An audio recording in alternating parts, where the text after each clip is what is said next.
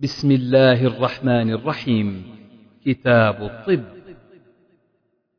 ما جاء في كفارة المرض وقول الله تعالى من يعمل سوءا يجز به حدثنا أبو اليمان الحكم بن نافع. أخبرنا شعيب عن الزهري.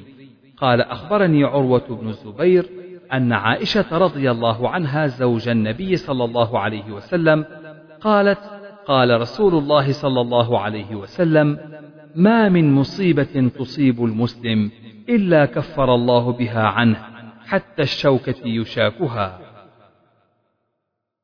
حدثني عبد الله بن محمد حدثنا عبد الملك بن عمرو حدثنا زهير بن محمد عن محمد بن عمرو بن حلحلة عن عطاء بن يسار عن أبي سعيد الخدري وعن أبي هريرة عن النبي صلى الله عليه وسلم قال ما يصيب المسلم من نصب ولا وصب ولا هم ولا حزن ولا أذى ولا غم حتى الشوكة يشاكها إلا كفر الله بها من خطاياه. حدثنا مسدد حدثنا يحيى عن سفيان عن سعد عن عبد الله بن كعب عن أبيه عن النبي صلى الله عليه وسلم قال مثل المؤمن كالخامة من الزرع تفيئها الريح مرة وتعدلها مرة. ومثل المنافق كالأرزة لا تزال حتى يكون انجعافها مرة واحدة.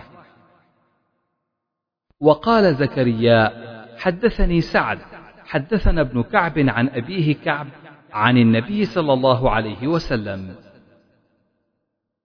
حدثنا إبراهيم بن المنذر قال حدثني محمد بن فليح قال حدثني أبي عن هلال بن علي من بني عامر بن لؤي عن عطاء بن يسار عن أبي هريرة رضي الله عنه قال قال رسول الله صلى الله عليه وسلم مثل المؤمن كمثل الخامة من الزرع من حيث أتتها الريح كفأتها فإذا اعتدلت تكفأ بالبلاء والفاجر كالأرزة صماء معتدلة. حتى يقسمها الله إذا شاء.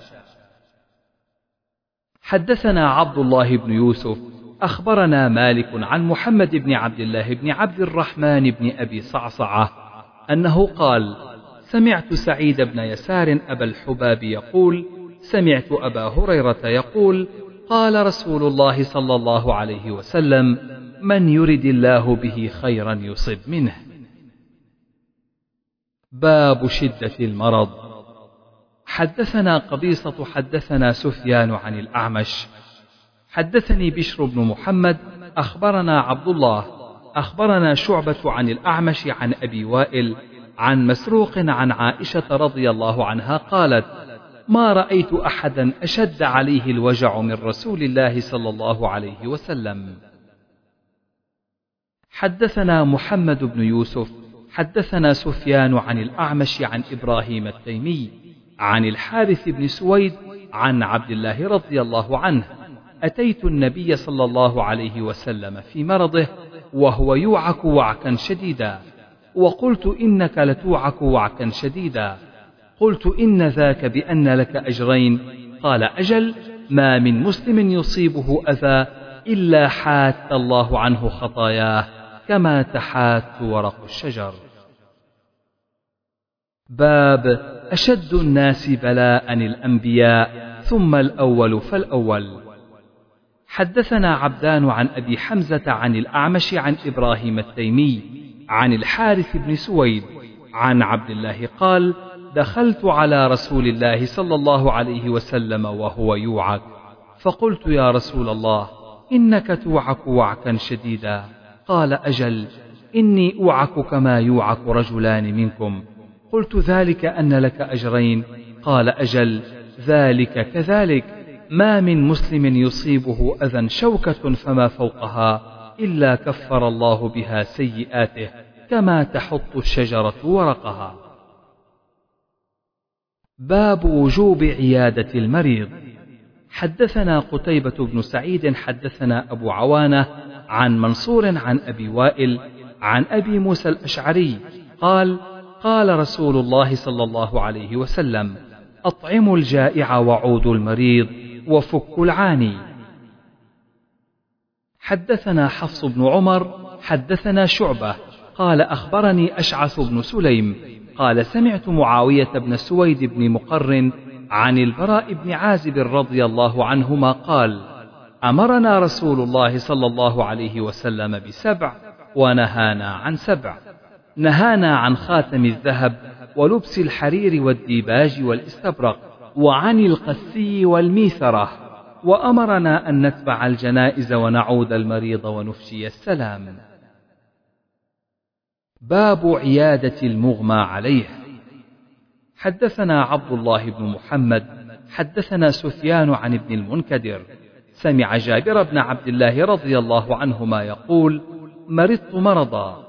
فأتاني النبي صلى الله عليه وسلم يعودني وأبو بكر وهما ماشيان فوجداني أغمي علي فتوضأ النبي صلى الله عليه وسلم ثم صب وضوءه علي فأفقت فإذا النبي صلى الله عليه وسلم فقلت يا رسول الله كيف أصنع في مالي؟ كيف أقضي في مالي؟ فلم يجبني بشيء حتى نزلت آية الميراث. باب فضل من يصرع من الريح. حدثنا مسدد حدثنا يحيى عن عمران أبي بكر قال حدثني عطاء بن أبي رباح قال قال لابن عباس ألا أريك امرأة من أهل الجنة؟ قلت بلى. قال هذه المرأة السوداء. أتت النبي صلى الله عليه وسلم فقالت إني أصرع وإني أتكشف فادعوا الله لي. قال إن شئت صبرت ولك الجنة وإن شئت دعوت الله أن يعافيك. فقالت أصبر. فقالت إني أتكشف. فادعوا الله ألا أتكشف. فدعا لها. حدثنا محمد أخبرنا مخلد عن ابن جريج أخبرني عطاء أنه رأى أم زفر تلك امرأة طويلة سوداء على ستر الكعبة. باب فضل من ذهب بصره. حدثنا عبد الله بن يوسف حدثنا الليث قال حدثني ابن الهاد عن عمرو مولى المطلب عن أنس بن مالك رضي الله عنه قال سمعت النبي صلى الله عليه وسلم يقول إن الله قال إذا ابتليت عبدي بحبيبتيه فصبر عوضته منهما الجنة يريد عينيه. تابعه أشعث بن جابر وأبو ظلال عن أنس عن النبي صلى الله عليه وسلم. باب عيادة النساء الرجال. وعادت أم الدرداء رجلا من أهل المسجد من الأنصار. حدثنا قتيبة عن مالك عن هشام بن عروة عن أبيه عن عائشة أنها قالت: لما قدم رسول الله صلى الله عليه وسلم المدينة وعك أبو بكر وبلال رضي الله عنهما. قالت فدخلت عليهما. قلت يا أبت كيف تجدك؟ ويا بلال كيف تجدك؟ قالت وكان أبو بكر إذا أخذته الحمى يقول كل امرئ مصبح في أهله والموت أدنى من شراك نعله. وكان بلال إذا أقلعت عنه يقول ألا ليت شعري هل أبيتن ليلة بواد وحولي إذخر وجليل وهل أردن يوما مياه مجنة وهل تبدون لي شامة وطفيل؟ قالت عائشة فجئت إلى رسول الله صلى الله عليه وسلم فأخبرته فقال اللهم حبب إلينا المدينة كحبنا مكة أو أشد اللهم وصححها وبارك لنا في مدها وصاعها وانقل حماها فاجعلها بالجحفة باب عيادة الصبيان. حدثنا حجاج بن منهال حدثنا شعبة قال أخبرني عاصم قال سمعت أبا عثمان عن أسامة بن زيد رضي الله عنهما أن ابنة للنبي صلى الله عليه وسلم أرسلت إليه وهو مع النبي صلى الله عليه وسلم وسعد وأبي نحسب أن ابنتي قد حضرت فاشهدنا فأرسل إليها السلام ويقول إن لله ما أخذ وما أعطى وكل شيء عنده مسمى فلتحتسب ولتصبر. فأرسلت تقسم عليه فقام النبي صلى الله عليه وسلم وقمنا. فرفع الصبي في حجر النبي صلى الله عليه وسلم ونفسه تقعقع ففاضت عين النبي صلى الله عليه وسلم. فقال له سعد ما هذا يا رسول الله؟ قال هذه رحمة وضعها الله في قلوب من شاء من عباده ولا يرحم الله من عباده إلا الرحماء. باب عيادة الأعراب. حدثنا معل بن أسد حدثنا عبد العزيز بن مختار حدثنا خالد عن عكرمة عن ابن عباس رضي الله عنهما أن النبي صلى الله عليه وسلم دخل على أعرابي يعوده. قال وكان النبي صلى الله عليه وسلم إذا دخل على مريض يعوده فقال له لا بأس طهور إن شاء الله. قال قلت طهور كلا بل هي حمى تفور أو تثور على شيخ كبير تزيره القبور. فقال النبي صلى الله عليه وسلم فنعم إذا باب عيادة المشرك. حدثنا سليمان بن حرب حدثنا حماد بن زيد عن ثابت عن أنس رضي الله عنه أن غلاما ليهود كان يخدم النبي صلى الله عليه وسلم فمرض فأتاه النبي صلى الله عليه وسلم يعوده فقال أسلم فأسلم. وقال سعيد بن المسيب عن أبيه لما حضر أبو طالب جاءه النبي صلى الله عليه وسلم. باب إذا عاد مريضا فحضرت الصلاة فصلى بهم جماعة. حدثنا محمد بن المثنى، حدثنا يحيى، حدثنا هشام، قال أخبرني أبي عن عائشة رضي الله عنها أن النبي صلى الله عليه وسلم دخل عليه ناس يعودونه في مرضه فصلى بهم جالسا، فجعلوا يصلون قياما، فأشار إليهم اجلسوا فلما فرغ قال إن الإمام ليؤتم به فإذا ركع فاركعوا وإذا رفع فارفعوا وإن صلى جالسا فصلوا جلوسا. قال أبو عبد الله قال الحميدي هذا الحديث منسوخ لأن النبي صلى الله عليه وسلم آخر ما صلى صلى قاعدا والناس خلفه قيام.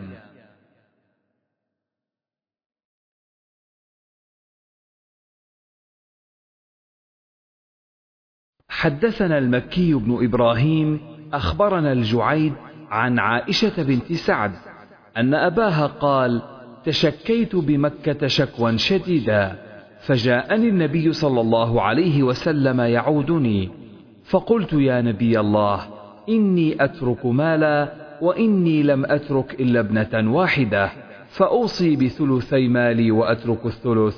فقال لا. قلت فأوصي بالنصف وأترك النصف. قال لا. قلت فأوصي بالثلث وأترك لها الثلثين.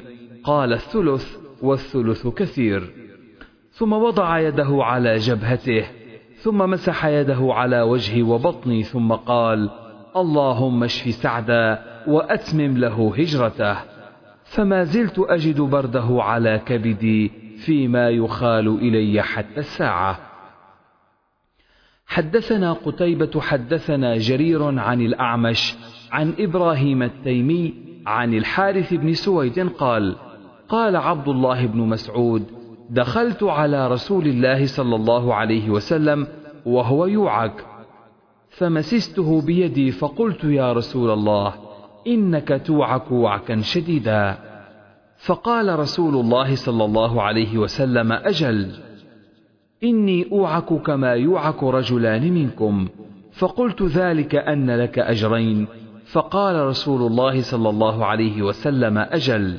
ثم قال رسول الله صلى الله عليه وسلم ما من مسلم يصيبه أذى مرض فما سواه إلا حط الله له سيئاته كما تحط الشجرة ورقها.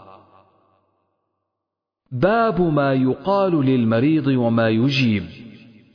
حدثنا قبيصة حدثنا سفيان عن الأعمش عن إبراهيم التيمي عن الحارث بن سويد عن عبد الله رضي الله عنه قال أتيت النبي صلى الله عليه وسلم في مرضه فمسسته وهو يوعك وعكا شديدا فقلت إنك لتوعك وعكا شديدا وذلك أن لك أجرين قال أجل وما من مسلم يصيبه أذى إلا حاتت عنه خطاياه كما تحات ورق الشجر.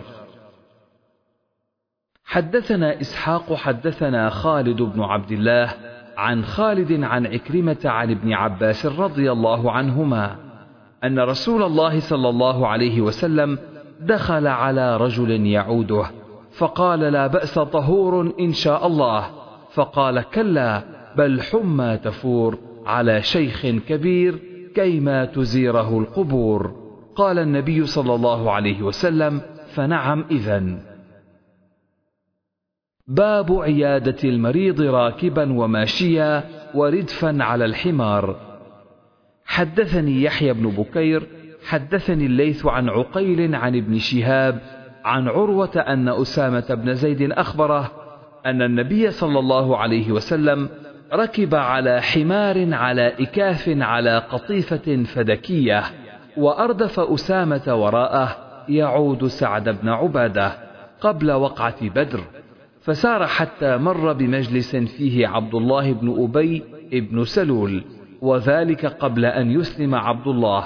وفي المجلس أخلاط من المسلمين والمشركين عبدة الأوثان واليهود وفي المجلس عبد الله بن رواحة. فلما غشيت المجلس عجاجة الدابة خمر عبد الله بن أبي أنفه بردائه قال لا تغبروا علينا. فسلم النبي صلى الله عليه وسلم ووقف ونزل فدعاهم إلى الله فقرأ عليهم القرآن فقال له عبيد الله بن أبي يا أيها المرء إنه لا أحسن مما تقول إن كان حقا فلا تؤذنا به في مجلسنا وارجع إلى رحلك فمن جاءك فاقصص عليه. قال ابن رواحة بلى يا رسول الله فاغشنا به في مجالسنا فإنا نحب ذلك. فاستب المسلمون والمشركون واليهود حتى كادوا يتثاورون. فلم يزل النبي صلى الله عليه وسلم حتى سكتوا. فركب النبي صلى الله عليه وسلم دابته حتى دخل على سعد بن عبادة. فقال له أي سعد ألم تسمع ما قال أبو حباب؟ يريد عبد الله بن أبي. قال سعد يا رسول الله أعف عنه واصفح فلقد أعطاك الله ما أعطاك ولقد اجتمع أهل هذه البحره أن يتوجوه فيعصبوه. فلما رد ذلك بالحق الذي أعطاك شرق بذلك فذلك الذي فعل به ما رأيت. حدثنا عمرو بن عباس حدثنا عبد الرحمن حدثنا سفيان عن محمد هو ابن المنكدر عن جابر رضي الله عنه قال جاءني النبي صلى الله عليه وسلم يعودني ليس براكب بغل ولا برذون. باب قول المريض إني وجع أو وراساه أو اشتد بالوجع. وقول أيوب عليه السلام أني مسني الضر وأنت أرحم الراحمين. حدثنا قبيصة حدثنا سفيان عن ابن أبي نجيح وأيوب عن مجاهد عن عبد الرحمن بن أبي ليلى عن كعب بن عجرة رضي الله عنه مر بي النبي صلى الله عليه وسلم وأنا أوقد تحت القدر فقال أيؤذيك هوام رأسك؟ قلت نعم. فدعا الحلاق فحلقه ثم أمرني بالفداء. حدثنا يحيى بن يحيى أبو زكريا. أخبرنا سليمان بن بلال عن يحيى بن سعيد قال سمعت القاسم بن محمد قال قالت عائشة وراساه فقال رسول الله صلى الله عليه وسلم ذاك لو كان وأنا حي فأستغفر لك وأدعو لك. فقالت عائشة واثكلياه والله إني لأظنك تحب موتي. ولو كان ذاك لظللت آخر يومك معرسا ببعض أزواجك. فقال النبي صلى الله عليه وسلم بل أنا ورأساه. لقد هممت أو أردت أن أرسل إلى أبي بكر وابنه وأعهد أن يقول القائلون أو يتمنى المتمنون. ثم قلت يأبى الله ويدفع المؤمنون أو يدفع الله ويأبى المؤمنون. حدثنا موسى حدثنا عبد العزيز بن مسلم حدثنا سليمان عن إبراهيم التيمي عن الحارث بن سويد عن ابن مسعود رضي الله عنه قال دخلت على النبي صلى الله عليه وسلم وهو يوعك فمسسته فقلت إنك لتوعك وعكا شديدا. قال أجل كما يوعك رجلان منكم. قال لك أجران. قال نعم. ما من مسلم يصيبه أذى مرض فما سواه إلا حط الله سيئاته كما تحط الشجرة ورقها. حدثنا موسى بن إسماعيل حدثنا عبد العزيز بن عبد الله بن أبي سلمة. أخبرنا الزهري عن عامر بن سعد عن أبيه قال جاءنا رسول الله صلى الله عليه وسلم يعودني من وجع اشتد بي زمن حجة الوداع. فقلت بلغ بي ما ترى وأنا ذو مال ولا يرثني إلا ابنة لي. أفأتصدق بثلثي مالي؟ قال لا. قلت بالشطر؟ قال لا. قلت الثلث؟ قال الثلث كثير. أن تدع ورثتك أغنياء خير من أن تذرهم عالة يتكففون الناس. ولن تنفق نفقة تبتغي بها وجه الله إلا أجرت عليها حتى ما تجعل في في امرأتك. باب قول المريض قوموا عني. حدثنا إبراهيم بن موسى حدثنا هشام عن معمر وحدثني عبد الله بن محمد حدثنا عبد الرزاق أخبرنا معمر عن الزهري. عن عبيد الله بن عبد الله عن ابن عباس رضي الله عنهما قال لما حضر رسول الله صلى الله عليه وسلم وفي البيت رجال فيهم عمر بن الخطاب قال النبي صلى الله عليه وسلم هلم أكتب لكم كتابا لا تضلوا بعده؟ فقال عمر إن النبي صلى الله عليه وسلم قد غلب عليه الوجع وعندكم القرآن حسبنا كتاب الله. فاختلف أهل البيت فاختصموا. منهم من يقول قربوا يكتب لكم النبي صلى الله عليه وسلم كتابا لن تضلوا بعده. ومنهم من يقول ما قال عمر فلما أكثروا اللغو والاختلاف عند النبي صلى الله عليه وسلم قال رسول الله صلى الله عليه وسلم قوموا. قال عبيد الله فكان ابن عباس يقول إن الرزية كل الرزية.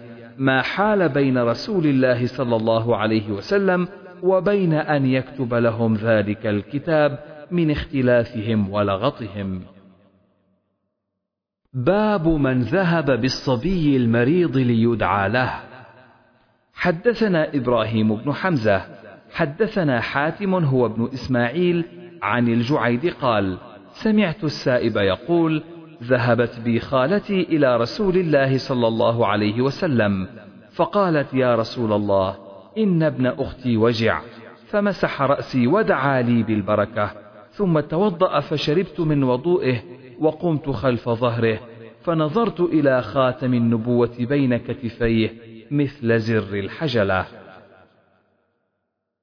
باب تمني المريض الموت حدثنا آدم حدثنا شعبة حدثنا ثابت البناني عن أنس بن مالك رضي الله عنه قال النبي صلى الله عليه وسلم لا يتمنين أحدكم الموت من ضر أصابه فإن كان لا بد فاعلا فليقل اللهم أحيني ما كانت الحياة خيرا لي وتوفني إذا كانت الوفاة خيرا لي.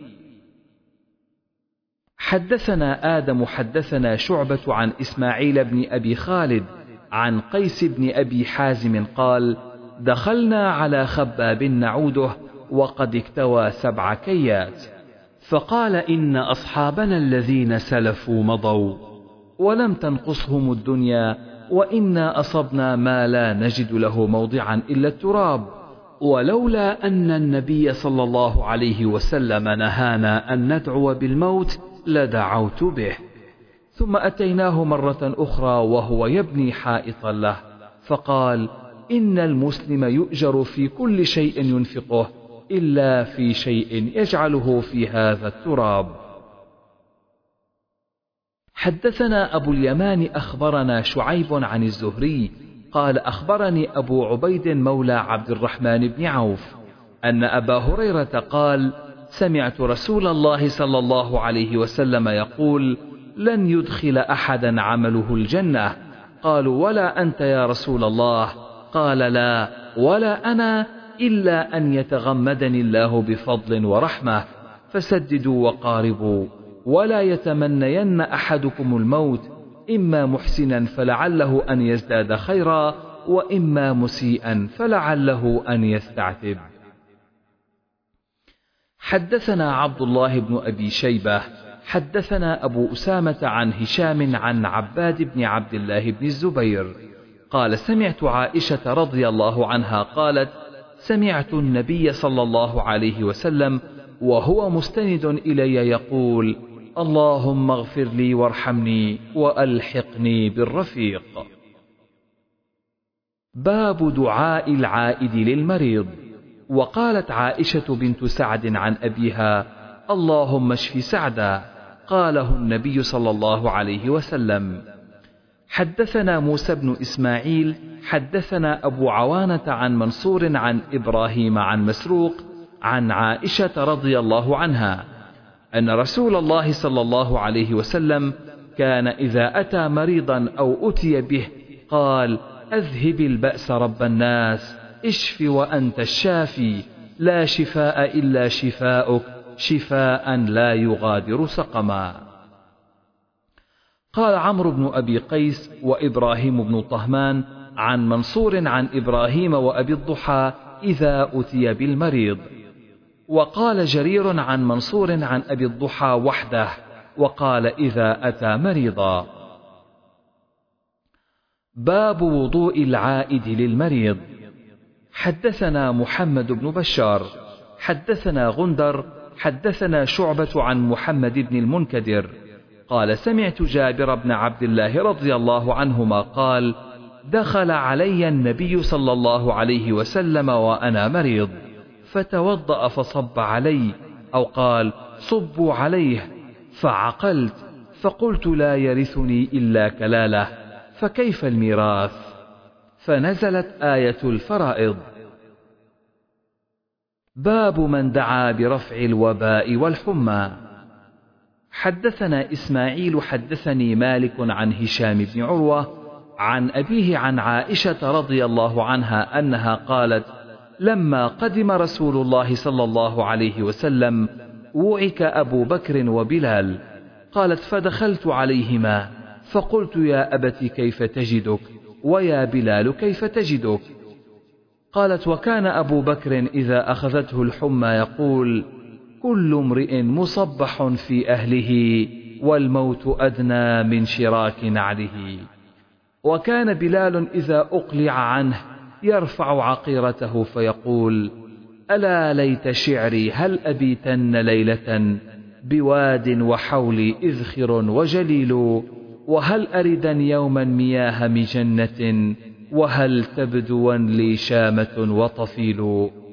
قال قالت عائشة فجئت رسول الله صلى الله عليه وسلم فأخبرته فقال اللهم حبب إلينا المدينة كحبنا مكة أو أشد وصححها وبارك لنا في صاعها ومدها وانقل حماها فاجعلها بالجحفة.